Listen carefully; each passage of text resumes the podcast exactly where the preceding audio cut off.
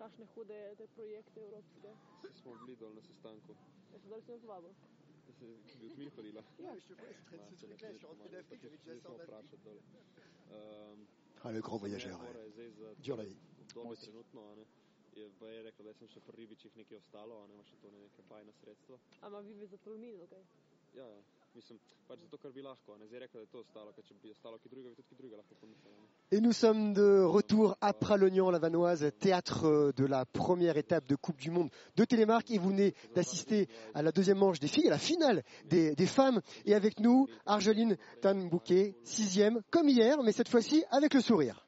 Ouais, voilà, ça résume bien. On va dire sixième avec le sourire. C'était euh, pareil, une première manche euh, pas dans le ton. euh, voilà, faudra analyser ça plus tard parce que j'ai pas, j'ai pas la solution pour l'instant de ce qui s'est passé. Mais euh, la deuxe, beaucoup mieux. Voilà, c'est le genre de manche qu'on a envie de faire. C'est des manches pleines. euh, des clean race euh, sans pénalité et de la vitesse et enfin voilà c'était hyper joueur sur les skis donc voilà moi je me suis vraiment fait plaisir sur ce deuxième manche donc je vais je vais partir avec ça à Samoa.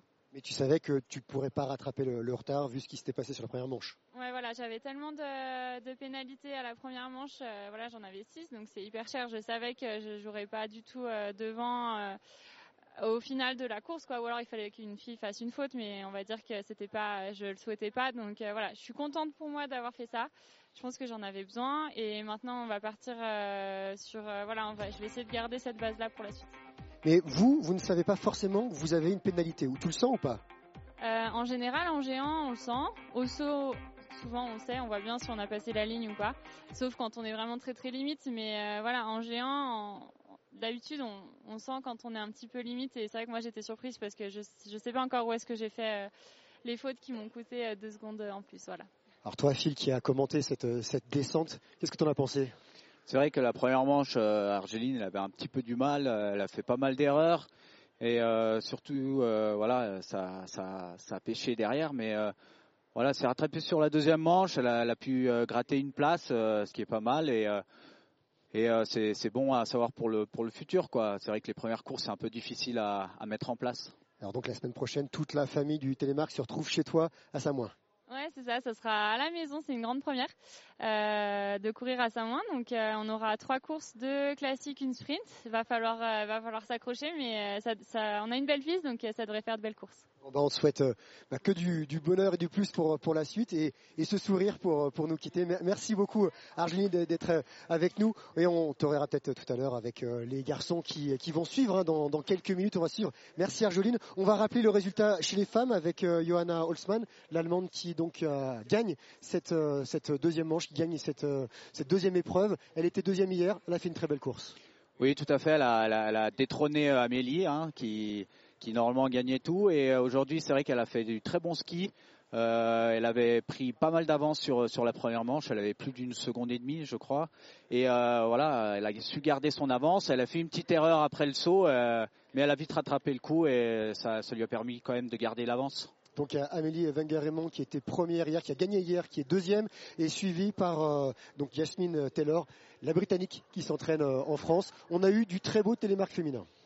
Oui, c'est vrai que euh, voilà, c'est c'est les premières courses et euh, c'est passionnant de voir que le, le- le podium change un peu et euh, c'est ce qui est important pour nos sports. Alors maintenant, c'est les garçons qui vont pas tarder à, à démarrer. Qu'est-ce qu'on attend de, de cette course pour les garçons? Il y a des changements au niveau de la piste, au niveau du saut? Il n'y a pas vraiment de changement, c'est juste que le, le tracé est un peu différent, et il est plus rapide sur cette deuxième manche. Et je pense qu'il y aura du beau spectacle là, sur cette deuxième. Ça va envoyer un peu plus du gros chez les hommes et, et on va voir ce que, ce, ce que ça, ça fait. Alors on va, on va rappeler le, le classement pour l'instant suite à, à la première manche avec Bastian Dayer, le Suisse qui est en tête, Jure Alès, Slovène qui est deuxième, Jonas Schmidt, l'Allemand qui est troisième, donc pour l'instant ce serait le podium provisoire. Et le premier français c'est Alexis Page qui est sixième et euh, Noé Clay qui est en septième position. Noé Clay qui a fait un podium hier, qui est arrivé troisième. On compte sur les Français. Oui, oui, on compte sur eux. Euh, Après, euh, ça va être difficile euh, sur cette deuxième manche parce que ils ont eu euh, pas mal de, de retard euh, au niveau des, du temps, euh, vu qu'ils ont pris la ligne du saut. Mais, mais c'est toujours possible. Si, si ça, ça bascule dans l'autre sens sur la deuxième manche, ça, ça peut le faire quand même. Et Bastian Dayer quand même qui est difficile à détrôner. Oui, tout à fait. C'est, l'homme, l'homme à l'expérience, et je le connais très bien depuis depuis tout ce temps. Et, et voilà, c'est quelqu'un qui skie super bien. Il est très fort sur les skis et, et avec l'expérience qu'il a, il peut seulement être devant. Et on va retrouver euh, maintenant Albin Tissot et toi, Phil, qui va le retrouver pour commenter cette deuxième manche de Coupe du Monde, épreuve sprint, Coupe du Monde de Télémark. À tout à l'heure pour la finale.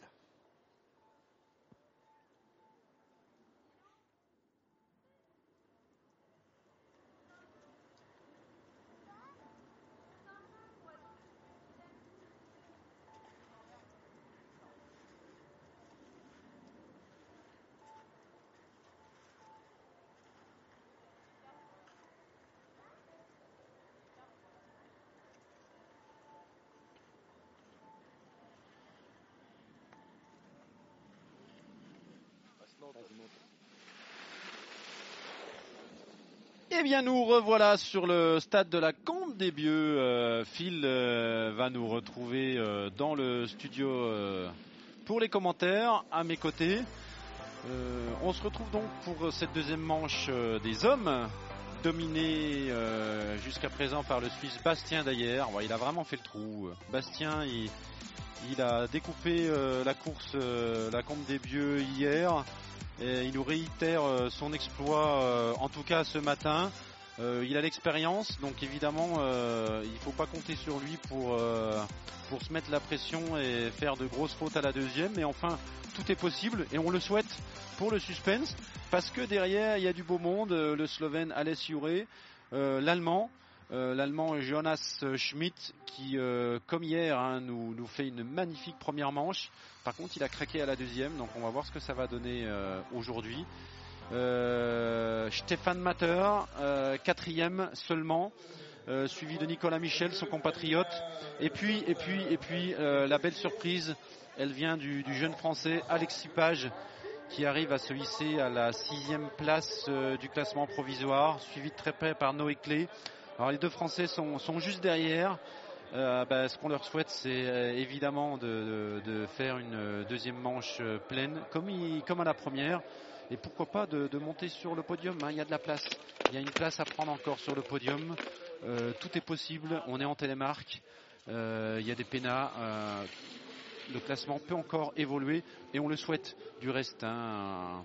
On aimerait tant, tant, tant voir un petit Français comme hier hein, euh, sur le podium. On se rappelle Noé Clé qui fait son, premier podium en Coupe du Monde. On était là présent à la remise des prix euh, hier soir. C'était, magnifique. Le classement général, donc comme je vous le disais, Bastien Dayer devant Alès Youré et Jonas Schmidt. Allez, ça va partir dans quelques instants. Phil euh, m'a rejoint. Les premiers coureurs euh, sont euh, déjà dans la cabane de départ. Alors, on rappelle que pour cette deuxième manche, on va inverser euh, les 34 premiers concurrents. Il y a 34 partants pour la deuxième. Et donc le premier à partir, en toute logique, serait Nicolas Isaev, le russe, qui a réalisé donc le moins bon temps de cette première manche. Il part en première position. Bastien d'ailleurs, lui, partira donc en 34e position. Le suspense reste total là. Vous voyez de la Vanoise au fond. Le coach français qui a tracé cette deuxième manche en grande discussion avec Sébastien Mansart, le coach britannique. La zone du tremplin, tremplin qui, a été remonté cette année, hein, euh, qui se positionne en fin de la section plane. Avec une réception du coup en plein dans la pente pour la partie finale de cette combe des Bieux. Tout le monde est prêt. Le soleil est arrivé euh, dans la raquette d'arrivée de Pralognan. C'est à souligner. La météo est impeccable. Température clémente. La piste restait en bonne qualité, en bonne condition. Tracé un peu plus rapide qu'à la première manche, tu disais Phil. Oui. Un peu plus rapide hein, sur ce deuxième euh, tracé.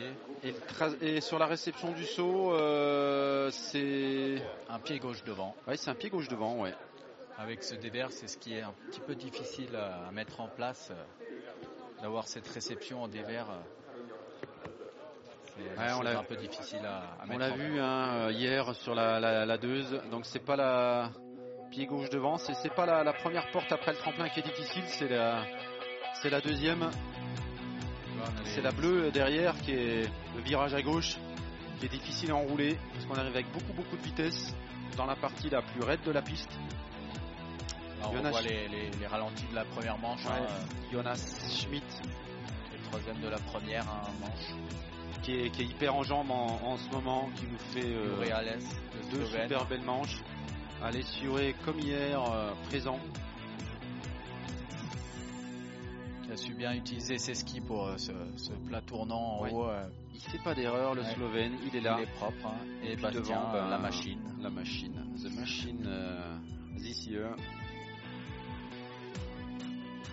Ouais, pour l'instant, pour l'instant, Bastien, c'est du 100%. Mais bon, on a fait trois manches, hein, il en reste une. Donc à voir s'il fait du, du 4 sur 4 hein, Ouais. sur toutes les manches euh, après l'oignon. Ouais, c'est. Après, On euh, lui pour souhaite, moi, hein, c'est ouais, un gars sympa. Bastien. Euh, c'est c'est le plus expérimenté des coureurs. Donc, euh, Ouais, c'est le presque fossile là de la- du circuit euh, Coupe du Monde. Gros gros palmarès. Alors évidemment des coureurs comme Nicolas et Saïf sont peut-être un peu plus âgés mais ont beaucoup moins d'expérience en tout cas en course que, que ne l'a Bastien. Allez c'est parti. On découvre cette deuxième manche euh, pour les hommes avec la partie plane. Ici l'entame du, du tremplin. Le pied gauche devant et tout de suite c'est cette porte là, la bleue qu'il faut arriver à, à maîtriser à pleine vitesse dans le mur. La partie raide. Et on arrive aussi un petit peu plus rapide dans le- la partie euh, du loom. Ouais, on a vu des concurrentes, euh, ben, deux en l'occurrence, les deux françaises, là, dont une qui a fini dans les filets.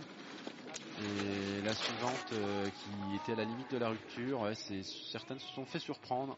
Et qui dit plus de vitesse, plus de compression. Et si on est un petit peu en arrière, bah, ça nous assoit direct. Et, Exactement, exactement. On rappelle hein, que avec la compression, l'accélération, elle est proportionnelle euh, non pas à la vitesse, mais à la vitesse au carré. Donc euh, vous arrivez deux fois plus vite, vous subissez quatre fois plus d'accélération. Allez, il arrive en bas, le russe. À suivre euh, Landoran. Il était euh, 33e euh, temps de la première manche. Yann Rodriguez Baroul. Ici dans le saut, Ouais. dans le dans le loom, excusez-moi, ouais, il était limite hein, également dans la partie centrale du loom. C'est là que euh, on subit le, le- le plus l'accélération. on entendait les, les- les encouragements de, de la coach. Ouais. pour euh, Landor. Et euh, le 33e euh, Bah oui, je pense que quand on est euh, coureur, on entend, hein, Phil, euh, les, les gens autour de nous, non, sur la partie skate en tout cas. Euh, je dirais pas trop. hein. ouais. Quand, on est vraiment concentré dans notre course, euh, en général, on n'entend plus rien ce qu'il y a autour de nous. Et euh, Bon, en tout cas, je pense que les coachs, ils ont autant l'impression que les coureurs et ça leur fait du bien de crier sur, euh, sur leur, euh, leurs coureurs. Ça soulage. On a l'impression de les pousser. Parce qu'on peut pas faire grand chose d'autre. On voit ici là Sébastien Mansart qui lui aussi euh, et, euh, des fois, même si on hurle après son coureur. quand on hurle sur les coureurs, euh, il y a quand même, euh, on, on- on arrive à, à capter quand même un petit peu. Ouais. euh, on fait peut-être pas forcément attention, mais euh, ça peut aider euh, quand même les coureurs. J'ai souvenir que quand tu t'étais euh, scratché dans le loom euh, avec l'allemand, tu étais ressorti du loom complètement perdu et Ouais. il fallait juste que tu passes la ligne d'arrivée et tu avais le globe dans les mains. Ouais, ouais, Et, euh, surtout il y avait aussi le gros globe en jeu. C'était Le coach il l'ultime de, dire fini la partie skate et t'as le globe t'as le globe avec toi. Ouais, ouais, je me rappelle, le matériel, il était un peu de partout, je savais plus où, était. C'était la misère. L'allemand lui il était dans les filets. Et donc c'est sûr, je me suis relevé euh, le plus vite possible. Et euh, je me rappelle, euh, dans le loom, il y a une porte dans le loom, vu qu'on est passé euh, en dehors du filet. Ah, il fallait passer Et la ben, voilà, il y avait une porte que, j'avais loupée au final. Donc j'ai dû re-rentrer dans le loom pour, pour refaire le tour de la porte pour finir ma course. Et Ouais, ouais, c'était impressionnant. L'enjeu était énorme. hein. Allez, en course, l'Italien, l'un des deux Italiens euh, de cette euh, tournée pralognanaise. Le dossard numéro euh, 34. Ouh, il, a- il nous a fait un intérieur. Oui. Du coup, il a perdu toute sa vitesse. Ouh, encore. Ouais, alors là, il- pauvre Italien, bien mal en point, Giacomo Bormolini. C'est des fois avec la précipitation, on fait plein de petites erreurs comme ça. Bon, allez, là, il faut rallier la ligne d'arrivée. Et puis, euh, Voilà, passer, euh, passer, euh, penser à demain, penser à la semaine oublier, prochaine. oublier cette manche et euh, revenir sur des bonnes choses par la suite. Il y en aura d'autres, Giacomo des courses. Il n'y a pas de course en Italie cette année. L'année dernière, la première manche était italienne à la tuile. Cette année, les deux premières manches sont en France, ici à Pralognan, et on, on enchaîne direct à Samoin. C'est bien, parce que comme ça, ça limite un peu les déplacements, ça limite les frais pour les athlètes, pour tous les le, staff qui suit. Limite, limite euh, dans le loom également, Ben là, britannique. Ah, on voit que ce loom pose euh, beaucoup plus de problèmes euh, qu'hier. Et puis là, il a, il, trava- il a travaillé un peu hein, à force euh, des sûr, coureurs ouais. qui passent dedans. Bien Sur les deux jours, euh, il, s'est modifié euh, un petit peu ce loom. Donc on commence à avoir des petites bagues dans, dans, dans le, dans le loom. C'est un gros gros travail, hein, la, la confection du loom avec les machines qui sont euh, pas faites pour ça euh, à la base. Donc euh, gros boulot d'arriver à faire un loom propre. Toujours, euh, toujours un, un compliqué. Ouais, puis après, il y a un gros travail avec les pelles hein, pour, euh, Exactement, ouais. Bien, pour finir euh, bien le laisser durcir, qui subit justement pas trop le- les- la détérioration euh, au fil des courses. Allez, le, le britannique, euh, franco-britannique, Alex Dixon euh, en course dans le mur final. Casque jaune. Ouais, Un peu à la peine, un peu en retard dans la fin du parti, euh, de la partie raid. Allez, le loom est passé. Alex, on file sur la partie skate, encouragé par son coach. Alex Dixon, euh, qui était 28e temps de cette première manche. Dans les whoops finales, position de recherche de vitesse, on laisse glisser, on passe la ligne d'arrivée.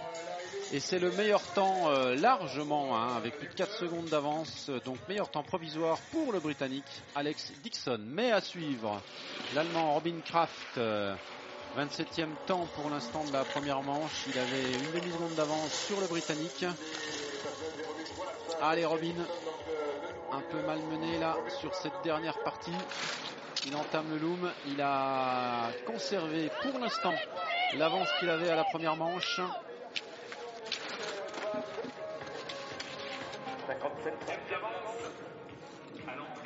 Et Robin il prend 5 secondes de pénalité hein, tout de même. 4 secondes au saut, 1 seconde euh, dans, la, dans les portes.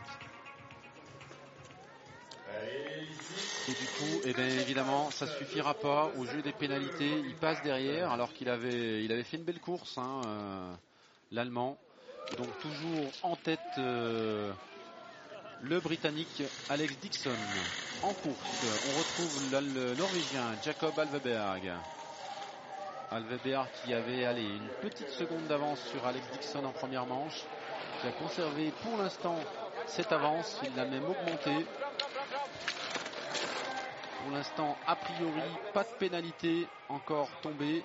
En toute logique, euh, du coup, le Norvégien devrait euh, prendre la pole position pour cette course.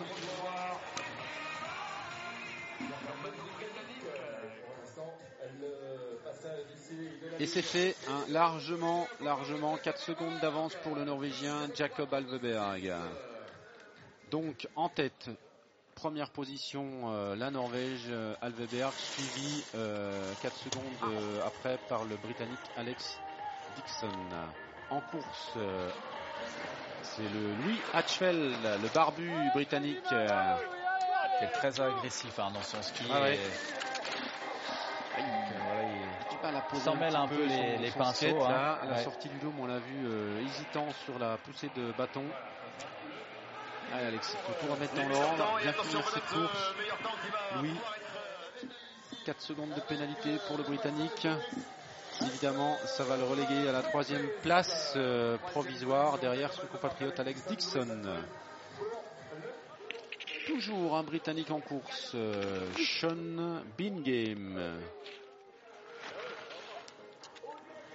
Alors, Sean, il avait, euh, bah, il avait quasiment une seconde d'avance hein, sur le leader provisoire euh, norvégien. Euh, il prend une seconde à la réception du saut. Donc ça va être serré hein, Ouais. C'est serré puisque bon, il a, il a perdu cette avance hein, qu'il avait sur le géant. Euh, le Norvégien euh, a fait un- une belle partie skate. Donc euh, il va pas falloir s'endormir pour le Britannique.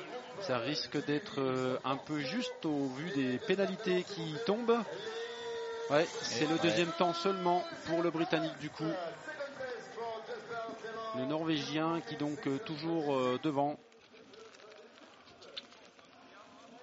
en tête de cette course provisoirement. Encore un Britannique euh, en course. Allez Sean Bingame qui finit sa course.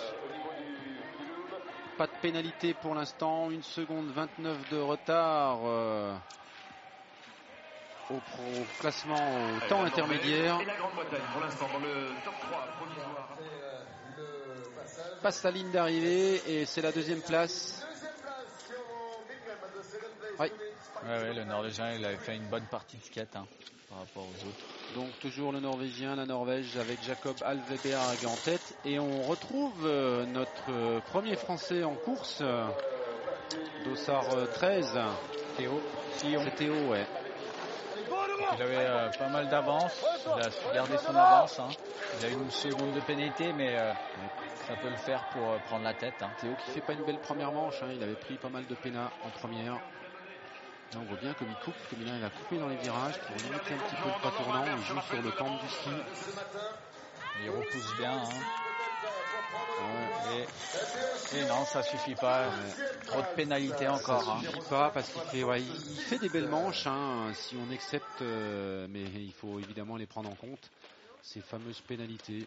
Ici à l'écran, Stéphane Matter, le grand battu d'hier. Première manche moyenne aujourd'hui. On l'attend, on l'attend Stéphane pour cette deuxième manche.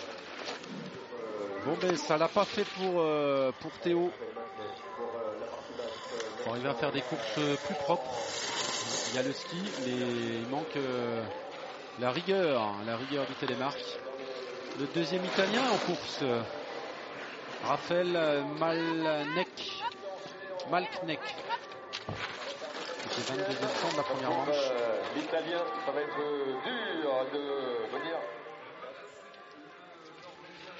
Euh, il a un petit peu de retard hein, sur, au niveau du temps. Ça va peut-être pas passer euh, Raphaël, il avait une seconde d'avance hein, euh, au départ, mais il a perdu cette seconde Ouais, d'avance voilà. et du coup, il est obligé de se concéder la, la deuxième place provisoire, juste devant le Français Théo Sillon. et le Norvégien a, a su euh, bien remonter des places. Ouais, il hein. remonte quelques places. Hein. Il ne serait pas Gaëtan procureur. Dossard 34. euh,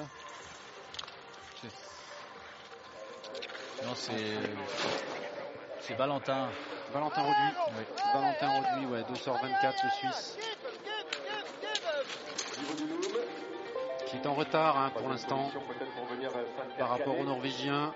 Ah, il n'a pas eu la ligne. hein. Ouais, qui donc conserve euh, pour l'instant, pour l'instant toujours euh, la tête du classement provisoire de cette euh, course. Cette deuxième étape de la Coupe du Monde, c'est sprint à Pralognan. Ouais, largement devancé le Suisse, relégué à la huitième place seulement pour l'instant. Et c'est pas terminé, puisqu'à venir un autre Norvégien, Amund Mosterhaugen. 19e temps, on rentre dans, le, dans les 20 meilleurs concurrents. 19e temps la première manche. Ah, il négocie bien le loom. Oula ouais, Excusez que je dise ça pour qu'il perde l'équilibre, mais il était sorti avec de la vitesse dans le loom. Il a oublié de se, de se relever, parti sur l'inter. Mais il garde une belle avance. Belle avance euh, au classement provisoire, sur le temps intermédiaire. ça Pas va. de pénalité en toute Ça logique. va largement passer devant. Hein. Ouais, on devrait retrouver la Norvège 1, la Norvège Ouais, ouais. 2. Ouais. 3 secondes et demie hein, d'avance. euh. Donc, toujours la Norvège en tête euh, provisoirement. Mais à voit- venir, euh, l'Américain Cory Schneider, qui avait une demi-seconde sur justement euh, le Norvégien. Falloir qu'il qu'il sorte une vraiment belle manche parce que le, le Norvégien, il a, il a bien skié dans cette deuxième manche. Allez, Cory, si tu veux être devant, là, il faut rien laisser. Il faut tout donner là. Cory qui skate bien. Timide euh, dans le, dans le géant, mais il a un bon skate. a quand même 5 dixièmes Allez, euh, on pousse, de pousse, retard pousse, sur les bras, Cory. Go, go, go, go, Cory. Et Mais ça, ça, passe ne pas, suffit non, ça pas, ouais. Vraiment, le Norvégien, il a fait le trou. Il a fait une très belle manche. Hein. Hey, Cory. Alors, Adrien. Le, comment tu dis Le Phil poireau. Le poireau. Adrien ça- Etievant, hein, ça va qui- lui rester, hein, ça. Ouais. Adrien Etievant, ouais, dans le mur euh, final. C'est un beau géant, là, ce qu'il nous fait, Adrien. Oh là voilà, c'est Mais ouais. c'est ce, qui- Ouais. c'est ce qui arrive. Hein. Il arrive avec de la vitesse. aïe, il s'en mêle les. Avec trop de vitesse. Oh, dommage, dommage pour lui. Hein. Ouais, parce que euh, c'était bien fait. C'était bien fait dans ce qu'on avait vu sur la partie géant. Et puis il avait gardé son avance. Hein. Mais malheureusement, Mais, euh, il, il s'en mêle les pinceaux dans le loom. Et ouais. Ouais, il s'est fait asseoir euh, dans le loom et il a perdu l'équilibre et, et derrière il, a, il s'est mis les bâtons entre les jambes. euh, c'est- décevant pour lui. Il avait des supporters qui étaient venus pour l'encourager, pour le voir. Et ben ça l'a pas fait. Alors euh, on passe directement euh, au concurrent allemand, Leonard Müller. C'était le 16e temps de la première manche. Il avait beaucoup d'avance hein, sur le Norvégien qui euh, il avait quasiment une seconde d'avance. Léo, il a conservé son avance. Alors euh, reste à Et voir ouais. au niveau des pénalités ce que ça va Il donner. reste pas grand chose, mais Pour l'instant, il a toujours un petit peu avance. d'avance, Léo Muller. Allez, là, il faut bien, bien skater, un petit peu en peine là dans ce, dans ce virage. décide de, de laisser aller en recherche de vitesse. eh euh, euh, Est-ce que ça confiance suffit à la glisse et non, Ça Non, il a tout perdu dans le skating sur Ouais. la fin. hein. Petit fébrile un peu dans, le, dans cette partie skate. Et ben ça reste le Norvégien en tête. Et on a encore un Norvégien en course, le Dossard 22. Il s'agit euh, eh ben, d'hiver euh, Epseberg, qui était 15e. On entre dans le top 15 cette fois-ci. Allez, hiver. On s'écrase pas, on se laisse pas écraser dans le loom, on ressort du loom. Tout de suite on remet de la vitesse. Il faut gérer ce pas tournant, là, un vrai pas tournant pour contourner le loom, aller remonter un petit peu là. Et cette fois-ci, on termine sur le plat descendant. A bien négocié. pris ses, des pénalités, ça va pas suffire. hein. Ouais, Voilà. Quatrième temps seulement pour les Norvégiens. Donc euh, Müller et Cory Schneider restent en position 2 et 3. Et encore un Norvégien, c'était le Dossard 5. Ole Sivert euh, qui loupe, hein, on peut le dire, euh, Ouais, sa là. première manche Ouais. par rapport à hier. Fait une belle course hier, mais Ole un petit peu en dedans, euh, en tout cas pour ce matin. Il avait beaucoup d'avance, euh, Ole, par rapport à son compatriote norvégien. Pour l'instant, pas d'erreur majeure dans la partie Il raid. garde du son mur. avance. Il fait une belle sortie de loom. Ouais, zéro pénalité. Il a perdu un tout petit peu, mais euh, ça va suffire euh, largement pour rester devant. Ouais, là, ça va faire un, pour l'instant fait une un- erreur encore un sur la, la partie fin. un podium provisoire très norvégien. Mais évidemment, c'est pas fini. C'est pas fini. Alors, il peut garder de la vitesse, ouais, largement. Ouais, ouais, ouais. 45 d'avance. 1, 2 et 5 la Norvège. Alors euh, ce serait l'idéal pour eux si la course était finie, mais il reste du beau monde à venir. Le Suisse ici à l'écran, Gaëtan procureur. Allez, il ralentit un petit peu dans le loom pour assurer cette sortie de loom, garder de la vitesse. Tout de suite pouvoir enchaîner sur la partie skate. Petit pas tournant sur la droite. On remonte un petit peu là, quelques poussées. Et après, On attaque la descente On avec les, les deux fameux hoops. le- les hoops qui vous empêchent de, de pousser. Vous êtes obligé de, de conserver un peu la position parallèle sur les hoops. Remettre de la poussée juste après. Cinquième temps seulement pour le Suisse Gaëtan Procureur. Il est loin. Alors, on entre dans les 12 premiers cette fois-ci. L'Allemand Christophe euh, Frank euh, en course. C'est propre. Ce qu'il fait. On va voir l'entrée du loom. Très bien négocié. Ouais, c'est bien. Ouais, ouais. Là, il a gardé beaucoup de vitesse. Il sort très très bien de ce loom. Il a perdu un petit peu son avance, mais on va voir ce que ça donne au final. Ah, ça va être On peut pas hein. trop voir hein, euh, Ouais. dans cette dernière partie. euh, Il va nous rejoindre ici, 15e euh, Il fait une belle partie skate, hein, l'Allemand. Ouais. mais euh, au temps intermédiaire, il était en retard. Est-ce que ça va suffire? Non, non, non, non. Il est il troisième. repère un du temps. Donc toujours la Norvège euh, 1 et 2. Et encore, encore un Allemand pour détrôner les Norvégiens. Il s'agit de Thomas Orlogius. euh, 11e temps de la première manche. Il avait une seconde d'avance sur le Norvégien. Cette seconde d'avance, il l'a perdu en partie. Il lui reste Et un petit d'avance encore ouais. pour la partie skate. Est-ce qu'il va réussir à préserver euh, Allez, Thomas. Est-ce que c'est dur Il faut mettre de la rapidité gestuelle, de la fréquence.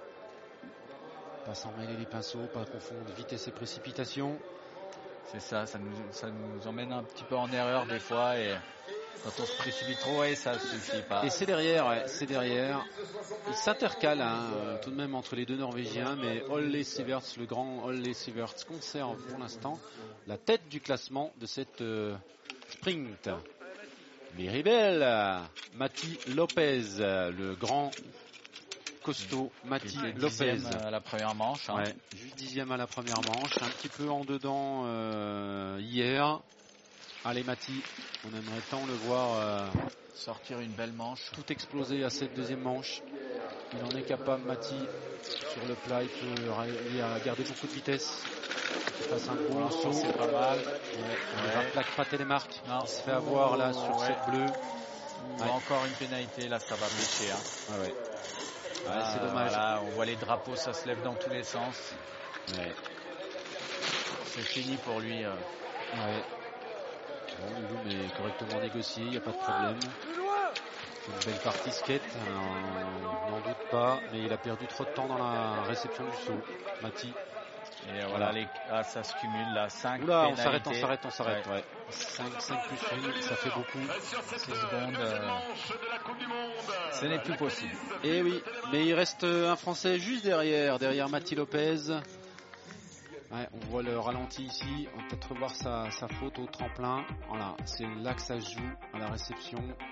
Et Il là, n'arrive pas à poser Ouais. son télémarque sur la porte bleue.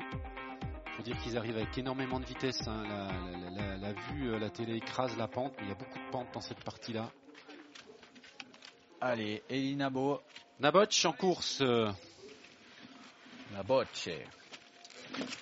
Allez, c'est parti pour lui. Est-ce qu'il va nous faire euh, Allez, Nabotch, sortir le euh, Jurassien. au moins une manche euh, Club d'exception de la Moura. Très euh, correctement euh, skié pour l'instant sur cette partie plate Ouais. qui est aux abords de la réception. Ouh, gros saut. hein, très très Ouais, gros saut. mais réception de pied, il me semble, hein, Phil. Par contre, il enchaîne bien là. À la limite de la limite. correctionnelle sur cette porte rouge, il est bien rattrapé. Allez, allez, une belle, le cap. euh, Pas un trop direct, pour l'instant, hein, Super, euh, de la bien, part bien géré le loom. hein. Ouais, ouais, ouais, il a réussi à, à passer pour l'instant les principales difficultés. Il a, nous a fait une magnifique euh, partie du, du mur. Il a tout de même quand même deux secondes de pénalité. Donc ça, ça va lui coûter cher. Ça va être très juste, hein, Ouais. très serré pour conserver, euh, reprendre la tête aux Norvégiens. Ah, c'est tendu. Une seconde d'avance. Faut tout donner, Eli. Allez, Eli. Ouais. Ouais, non, ouais, ça suffit ça pas. pas. C'est les deux secondes de Pena qui, euh, qui lui coûtent cette première place. C'est un beau géant, très spectaculaire. Alors on va voir ce que le Suisse euh, Romain Benet va nous faire. Huitième place euh, ce matin, le Suisse. Euh, si on regarde les temps par rapport au Norvégien Ole Sivert, hein, qui est toujours en tête, il y avait, ma foi 3 secondes, non 3 secondes, il y avait 2 secondes d'avance. Il a 2 secondes d'avance sur le Norvégien, quand même un bon petit matelas. Le Suisse euh, Romain Benet, s'il nous fait une bonne course, il peut prendre le tête, la tête provisoire de, de cette course. Pour l'instant, tout va bien. Ouais. Il est assez direct en ligne. hein. La il réception, il me semble qu'elle était un peu limite. hein. La réception par contre, ouais, elle sera limite. On va attendre les, les juges. Là, il est, il est limite. Romain dans la partie raide. Il fait quelques petits travers. Limite à partir en avant. Il garde un petit peu son avance, mais à mon avis, Ah, il a 7 centièmes, hein, donc euh, autant dire fait euh, trois fois rien. Le Norvégien euh, fait un beau parcours euh, skate. Donc ça va être serré. Ça et va être serré. une seconde de Ouais, pénalité. ça euh, semble, ça semble compromis pour l'instant. C'est même pas dit qu'il attrape la deuxième place. On va voir. Ça va être serré. et Ouais, si, ouh, 7 centièmes. C'était juste. 7 hein. centièmes. Et voilà. Ouais. Il peut s'en vouloir, le Suisse. Mais de toute façon, euh, la course n'est pas terminée. Euh, il reste, bah, il reste euh, notre quatrième d'hier, notre troisième d'hier, que dis-je. Premier podium de sa carrière en Coupe du Monde. Noé Clé, le Français, qui avait tout de même 3 secondes d'avance sur le, le leader actuel, le Norvégien. Donc Noé, si tu nous fais une belle deuxième manche, comme tu nous as fait hier, comme tu nous as fait ce matin, ça devrait passer. Ça devrait passer.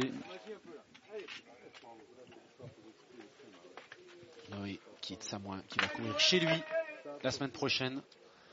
Allez Noé, c'est parti.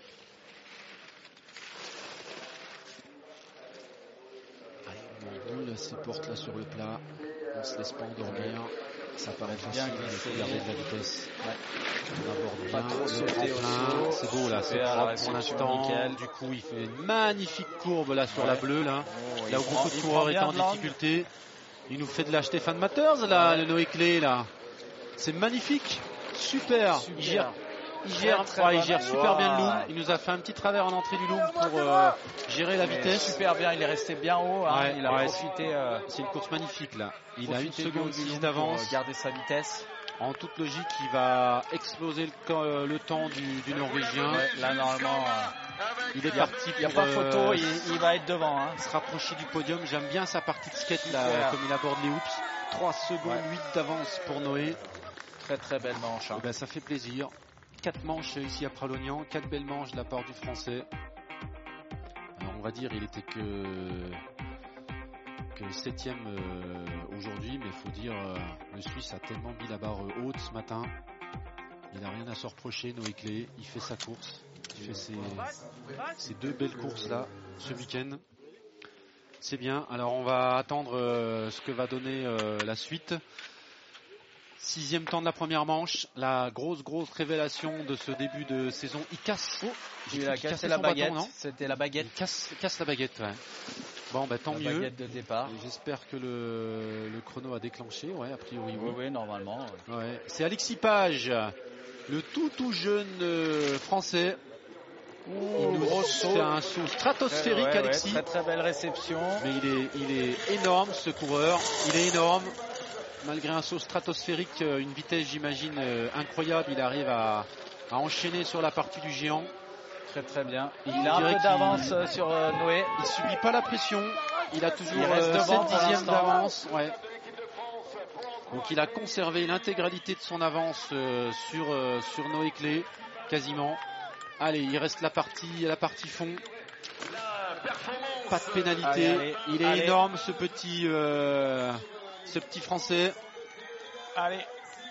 Et il est deuxième, il est deuxième. Oh là là là là, quel dommage. Il a tellement perdu dans cette partie de, de ski de fond, c'est Ouais, ouais, ouais, impressionnant. ouais, il faut qu'il travaille ça parce que mais qu'est-ce qu'il a produit un, un beau géant? Et moi, ce qui m'impressionne, c'est sa facilité sur le tremplin, qui est vraiment pas un exercice facile, qui demande beaucoup beaucoup d'expérience. Il est un- C'est un véritable chat là. Magnifique. Bon, il a rien à se reprocher. Hein. Il est derrière Non, Noé non, Clé, ouais, mais il a fait vraiment il fait- très belle manche, ouais. il n'y a, pas- y a rien à dire. Les deux Français là qui viennent de passer, euh, bah, bravo, bravo à eux. Il va juste falloir qu'il s'entraîne un peu plus euh, en skating. Ouais, allez, ça va, ça va venir, ça. On n'en doute pas.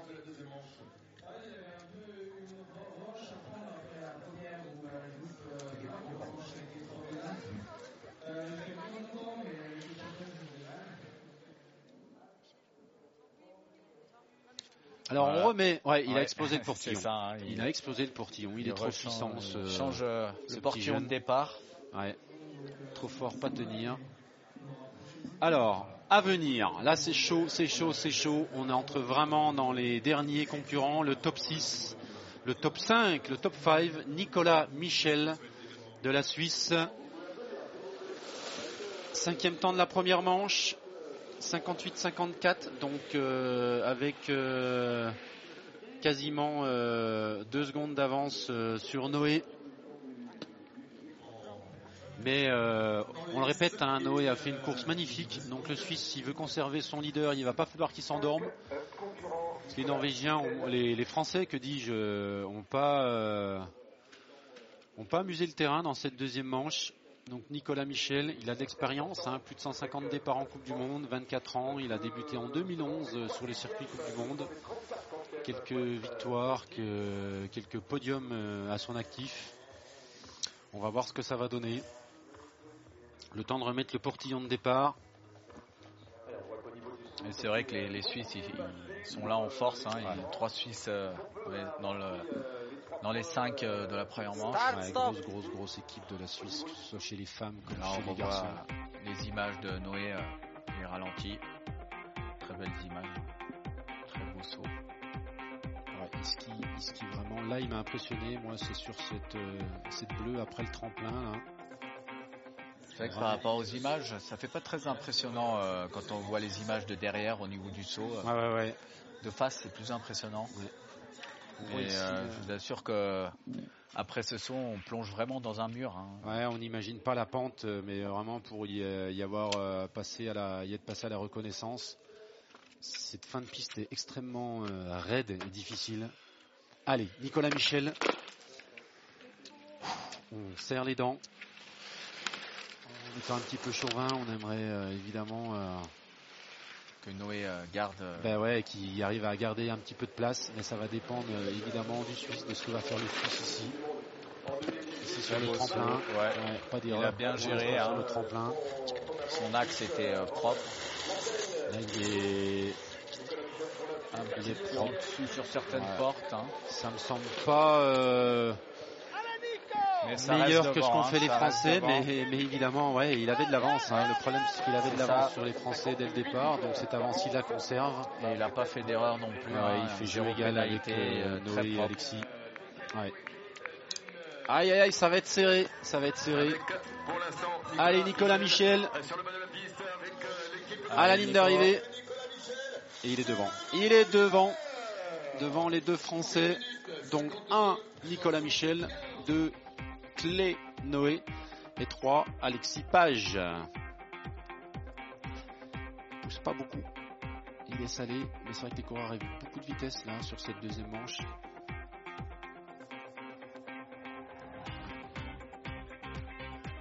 Il fait le job, Nicolas Michel. Il est placé. Eh bien, il va falloir aller les chercher, ces Suisses. Alors, qui Là, Steph. Qui pour euh, battre un Suisse Peut-être un autre Suisse Le... le roi de la courbe. Le roi du carving en télémarque, c'est Stéphane Matter. Un peu en peine euh, hier. Ouais. Il y a Grosse- peut-être deux, trois réglages. euh, Ouais. sur, euh, Grosse erreur euh, ici même sur le plat à la deuxième manche. Allez, il gère un petit peu la prise d'élan avec un petit travers. Il a eu raison du reste Ouais, parce qu'il arrive avec beaucoup beaucoup de, de marge sur la Là, ligne. là, il est bien au-dessus. Ouais, il fait une belle- il sa fait une taille. belle réception. Il nous fait du Stéphane Matters euh, comme il sait le faire sur le mur. C'est super bien fait pour l'instant pour le Suisse euh, Stéphane Matter. Le loom, aucun souci. Le loom, euh, oui, ça passe, ça Ça va être passe. serré avec euh, Nico A. Ouais, ouais, il a 3 centièmes euh, De retard, de mais, retard. Tout va jouer évidemment dans la partie. euh, t'ai fait un petit peu fond. meilleur que, bah, que Ouais, Nico en Nico en a pas été impérial dans la euh, partie skate, c'est vrai. On va voir. Allez, c'est chaud. On aimerait le voir parce que c'est un beau coureur. On aimerait le voir devant Stéphane Matters. Oui, il est devant. c'est ouais, ouais. devant. Il reprend. Il euh, reprend du temps sur la fin. hein, Ouais. Dans la C'est partie 5 skating. dixièmes sur la partie fond, c'est vrai. Et bien voilà. Steph prend, euh, prend la tête pour le moment. Un Suisse remplace un Suisse. Donc 1 Stéphane Matter, 2 Nicolas Michel et 3 et 4 les petits Français qui sont euh, ben, malheureusement euh, tranquillement en train de, de sortir du podium. C'est fait pour euh, Alexis. Il reste Noé Clé troisième. Mais mais mais mais il reste il reste du beau monde là. hein. On entre dans le top 3 avec Jonas Schmidt qui nous a pulvérisé la première manche. Et Jonas, c'est quelqu'un qui, qui, qui sait vraiment skier. Hein. C'est juste que de temps en temps, il fait des petites erreurs. Et, Ouais, mais alors est-ce qu'il sait faire deux et, euh, manches est-ce que, est-ce que il va réussir à faire deux manches euh, complètes hein? Non, non. Telle est la question. Il sent qu'il y a encore un Français sur le podium. Il a une pression énorme. On va voir ça. Allez, il a tout donné en tout cas dès le départ. Pour l'instant, tout va bien. Ouais, Tout va bien. tout va bien. Et il reste euh, La va partie critique, euh, le saut, on va Ah, voir. il fait une belle partie plate, hein, Jonas. Il y a pas photo. Ouh là, il fait un gros saut. Un méga saut. Ouais, Eh, c'est euh, nickel. Une propreté Il euh, va peut-être nous inégalable. faire une belle manche. Hein. Ah ouais, pour l'instant, il nous découpe, il nous refait une- la même que la première. C'est super beau. Super impressionnant. Il gère bien l'entrée Voilà. du loom. Ouh, ouais, il ressort Ouais. bien avec de la vitesse. Hein. Je pense que le mot est passé. Là, les, les- les derniers concurrents qu'on a vus mettent tous un petit travers sur le loom. On leur a dit qu'on arrivait avec beaucoup de vitesse. Il fallait, euh, il fallait gérer, gérer ce loom. Ah, et par contre, il prend deux pénalités. Là, ça, là, Et ben, ça va peut-être faire le jeu des, des Français parce que pour, la- pour autant, il avait fait une belle manche, euh, l'Allemand. Et non, Ouais. ça suffit pas. Ouais, Ah. Il est que troisième, mais il est devant, devant Noé Clé. Donc, il sort les deux Français du podium. Donc, euh, pour l'instant, classement provisoire 1 Stéphane Mater, 2 Nicolas Michel, donc 1 et 2 la Suisse, et 3 l'Allemand Johann Jonas Schmidt. Alors, il nous reste les deux meilleurs temps de la première manche. Les deux meilleurs coureurs actuels de cette saison euh, 2020, le Slovène Ales Jure. Voilà, Steph est déjà content. Il, il s'assure Ouais, euh, un il podium. a un podium, euh, il va marquer sûr. des points, c'est bien. Ah ouais. Il n'était pas Mais sur il le reste podium hier. encore les deux meilleurs. euh. Allez, le Slovène, c'est chaud. Il va falloir qu'il refasse la... une, une énorme manche. hein. Le Ouais. Slovène, de toute façon, il a une seconde et demie de retard sur, euh, sur Bastien. Donc il faut pas réfléchir là. Je sais pas dans quelle optique il est, s'il est dans l'optique de, de faire un podium ou encore de, de gagner cette course. Allez, au saut le Slovène. Ouais, c'est bien posé. C'est bien réalisé là le- l'entame du géant. Pas d'erreur majeure, en avant. Mais là, il fait une grosse erreur le Slovène. Voilà. Ouais, ouais. Ça va lui coûter le podium. Il a Ça craqué. Oh Ouais, là, euh, ouais. Pas se faire mal, attention. Pas mettre la main dans la porte. Ouais, il a craqué le Slovène sur cette partie finale, sur le, le mur. Tout s'est bien passé jusqu'aux deux dernières portes. hein. Donc il prend euh, évidemment euh, 4 secondes de pénalité plus un temps euh, sec euh, ben, moins bon. Évidemment, il a perdu Ouais, beaucoup de ça temps. va, va- il va reculer euh, beaucoup là. hein. Ah ouais, c'est fini pour le Slovène. Il va sortir du podium. Voilà, sixième. Derrière les deux Français. Quel dommage. Ah, il peut être déçu là. Il... il loupe sa course, le Slovène. Très à la fête hier, un peu moins aujourd'hui. Alors, alors, il reste. J'ai euh, bien peur qu'on ait un podium su- 100% suisse. hein. Ouais, alors, ouais, j'avais pas pensé à, mais- à ça, mais c'est ce qui risque de se produire effectivement, Phil. Parce que là, Bastien, Est-ce qu'il peut gérer Oui, il peut gérer. hein. Il a un matelas, que dis-je, des valises d'avance. Puisqu'il avait une seconde et demie, euh, il a quasiment euh, deux secondes d'avance euh, sur Stéphane Matters. Maintenant, à voir s'il s'il craque ou pas. hein, mais Ouais, il a l'expérience quand même, Bastien. Il va, ça sert à rien de tout donner. Et c'est pas sur le plat de départ qu'il va craquer. Bastien, il faut il qu'il va skier, il va, il va skier propre. hein, il va faire sa manche euh, comme d'habitude. hein. Ouais, je sais pas s'il a eu les, les infos de ce qu'avait fait le Slovène, mais il fait le.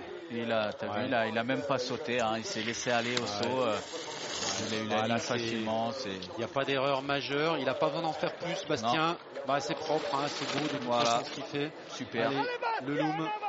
Pas de déséquilibré, Bastien. Bon, ça, Ouais. Il a pas perdu grand chose. Non, hein. non, non, non, non, non, il a une seconde. Et il a, il a 38 pris de l'avance euh, en plus sur cette manche. euh, Ouais, ouais. Aïe aïe aïe aïe, le Bastien d'ailleurs qui va faire sa deuxième victoire en deux manches, en deux courses.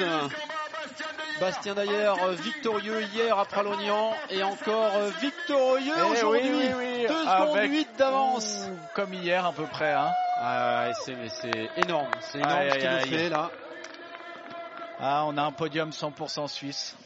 C'est ce qu'on craignait, hein, un week-end euh, helvète, et ben on l'a eu. Alors même si Amélie euh, Raymond euh, ne gagne pas aujourd'hui, elle est quand même deuxième. Donc ça nous Ouais. fait quoi? Ça nous fait 4 Suisses.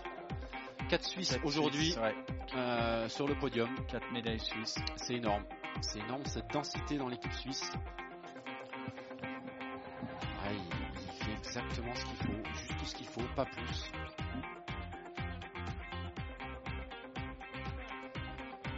La limite de la chute euh, sur la sur la sortie du loom, bah en loom, euh, il faut arriver à se relever. On a peu de vitesse, pas rester trop incliné vers l'intérieur. Voilà, classement final de cette euh, deuxième manche. Bastien Dayer devant Stéphane Matters et Nicolas Michel. Les Français, ben, juste derrière, hein, avec euh, Alexis Page et Noé Clé. Dans le top 10, évidemment, mais euh, qui n'arrivent pas à accrocher le podium. Mais enfin, quand même de belles satisfactions pour euh, l'équipe de France.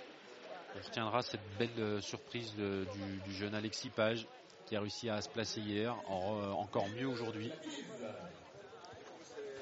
La cérémonie des fleurs pour les hommes.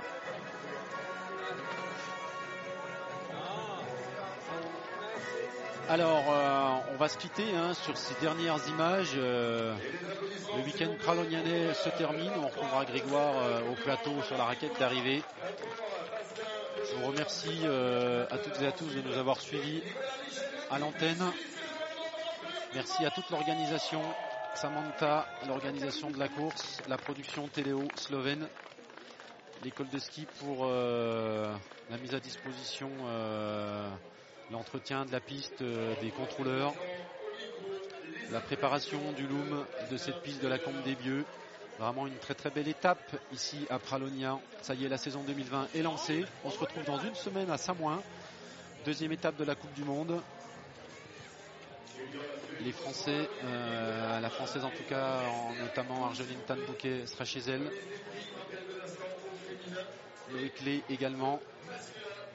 On revoit ici les derniers ralentis. Je vous souhaite un bon week-end, une belle euh, saison 2020, bonne glisse. Salut à tous et à toutes.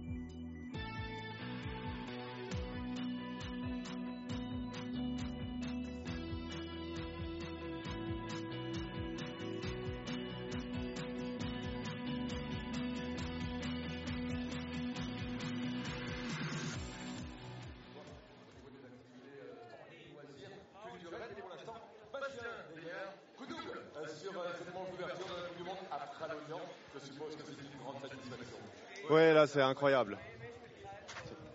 Là c'est incroyable. Ouais. C'était euh, ouais, c'était quand même un petit peu serré. J'ai entendu que les collègues ils ont fait des belles remontées. Ah, j'ai dit il faut tout donner. Je pense que le saut c'était le point tactique. J'étais un petit peu gourmand. C'était c'était vraiment limite. Je me suis dit là, maintenant si si j'ai pas fait la ligne, il faut que je donne tout, tout ce que je peux dans la suite. Et puis euh, ouais, incroyable. Avec la- le soleil sur le fond, ça ça change de hier. Ouais. Um, amazing. So second win in two days. Uh, what a better start. um, yeah, just would like to yeah to congratulate all the teams who work here because uh, they make an amazing job today. It was not win with the condition of yesterday, and it was a perfect uh, condition, really fairness. Ja, unglaublich. Heute war es wirklich ein, ein super Tag, also besser kann nicht laufen. Äh, zwei Siege in zwei Tagen, das, das ist einfach, äh, ja, ein besserer Start gibt es gar nicht. Und äh, ja, auf die Piste wurde so, so gut gearbeitet, dass es war einfach geil zum Fahren heute, ja.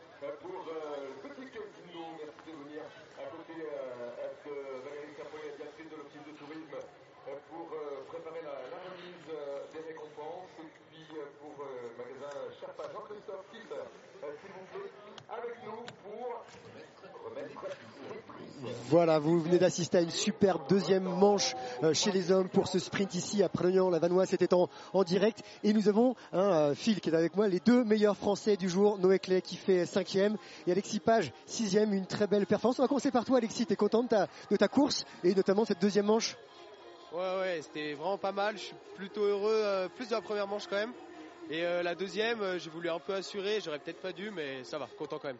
Qu'est-ce qui s'est passé entre hier et aujourd'hui pour toi? Parce que là, tu as, grappillé des points. Ouais, bah je sais pas du tout. euh, je me pose la même question que vous. Et euh, je vais essayer d'y répondre sur les prochains jours pour Samoa et on verra bien. Et toi, Noé, alors, bon, troisième hier, le premier podium euh, en Coupe du Monde. Bon, là, tu n'es pas sur le podium, mais tu as réalisé quand même très, de très belles, quatre très belles manches. Ouais, bah alors il y a la première où je suis content et à la fois déçu parce que je fais une belle manche mais je loupe de pas grand chose la ligne et je me prends 3 secondes. Donc euh, c'est cher payé et puis euh, il fallait que je prenne un peu ma revanche euh, sur la deuxième manche. Il y en a un qui m'a un peu mis la pression et du coup non je suis content de la seconde manche. Ça augure quoi pour la suite, pour, pour Samoin Et ben un peu de confiance et ça c'est pas trop pas trop demandé, c'est pas c'est pas du luxe donc euh, c'est super. Phil, un, un petit mot pour nos meilleurs Français du jour? Oui, bah, il y a eu des, des très bonnes choses aujourd'hui et euh, voilà, le fait de regarder euh, en dehors, euh, c'est c'est assez sympa et euh, voilà, on sait que la- les jeunes, il y a la relève, elle est là et euh, il y a du bon ski, ils font des bonnes choses. Voilà, il leur manque un peu d'expérience encore pour euh, pour vraiment grappiller des places et, et venir chercher les, les grands qui sont devant. Mais euh, voilà, c'est c'est bon pour le futur en tout cas. Une carrière comme, comme Phil, Alexis? Ah bah je dirais pas non. hein. Non, ça fait rêver. Moi, j'ai couru un peu avec lui et j'étais toujours euh, fan et euh, je m'accroche, j'essayais de m'accrocher derrière, bien qu'il nous mettait des perles, mais c'est super. En tout cas, on a passé un très bon moment, un très beau spectacle. On va rappeler le podium avec encore une victoire hein, de Bastien euh, d'ailleurs, le, le Suisse. En fait, c'est un podium 100% suisse sur ce coup-là, parce que je rappelle que derrière, il y a Stéphane Matter et euh, Nicolas Michel, les Suisses en grande forme. Oui, oui, euh, bah, ils, ils ont fait le job aujourd'hui. euh, ils ont très bien skié. Ils ont su. euh, c'est surtout eux qui ont su euh, sur la première manche euh, euh, atteindre Assurer, la ligne, ouais. assurer la ligne, et c'est c'est ce qui leur a permis de, de garder de l'avance et, euh, et voilà de, de rester devant. On a assisté donc à un très beau spectacle ici pour cette première étape de Coupe du Monde après Lyon Lavanois. J'étais très content, Phil, de t'avoir à, à mes côtés en espérant te revoir très vite et sur le télémarque. hein, tu donnes toujours des cours, hein, donc on, on pourra suivre ça. Qu'est-ce que tu pourrais dire aux jeunes pour qu'ils se mettent au télémarque Justement, qu'il y a de l'esthétisme, il y a du spectacle, il y a de l'engagement. Bah, bah, déjà d'e- d'essayer, c'est déjà la première chose. Et puis après, euh, voilà, on prend vite goût. Donc euh, il faut essayer pour euh, savoir ce que c'est. Et, euh, Et j'aimerais leur dire que c'est d'autres sensations que, que l'alpin et il y a d'autres choses à découvrir dans ce sport. Je veux juste que tu m'expliques, il y a une gestion de l'effort qui est particulière parce que tu as une partie de géant, tu as le saut, la partie de géant, et après, après le loom, bah, il y a le skating. C'est le, le cardio est différent sur ce coup-là. Oui, c'est vrai que c'est un peu plus physique. c'est, on, on change du tout au tout.